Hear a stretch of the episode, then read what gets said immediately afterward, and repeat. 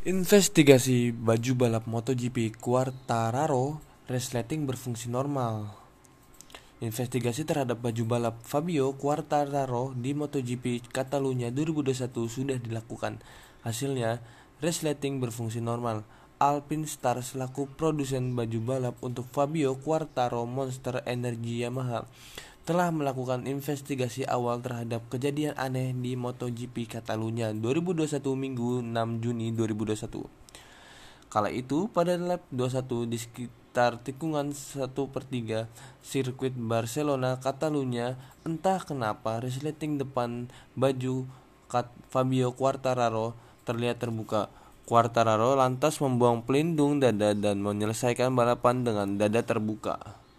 Ya, Penalti menyebabkan posisi Quartararo melorot dari finish di podium ketiga menjadi hanya urutan ke-6.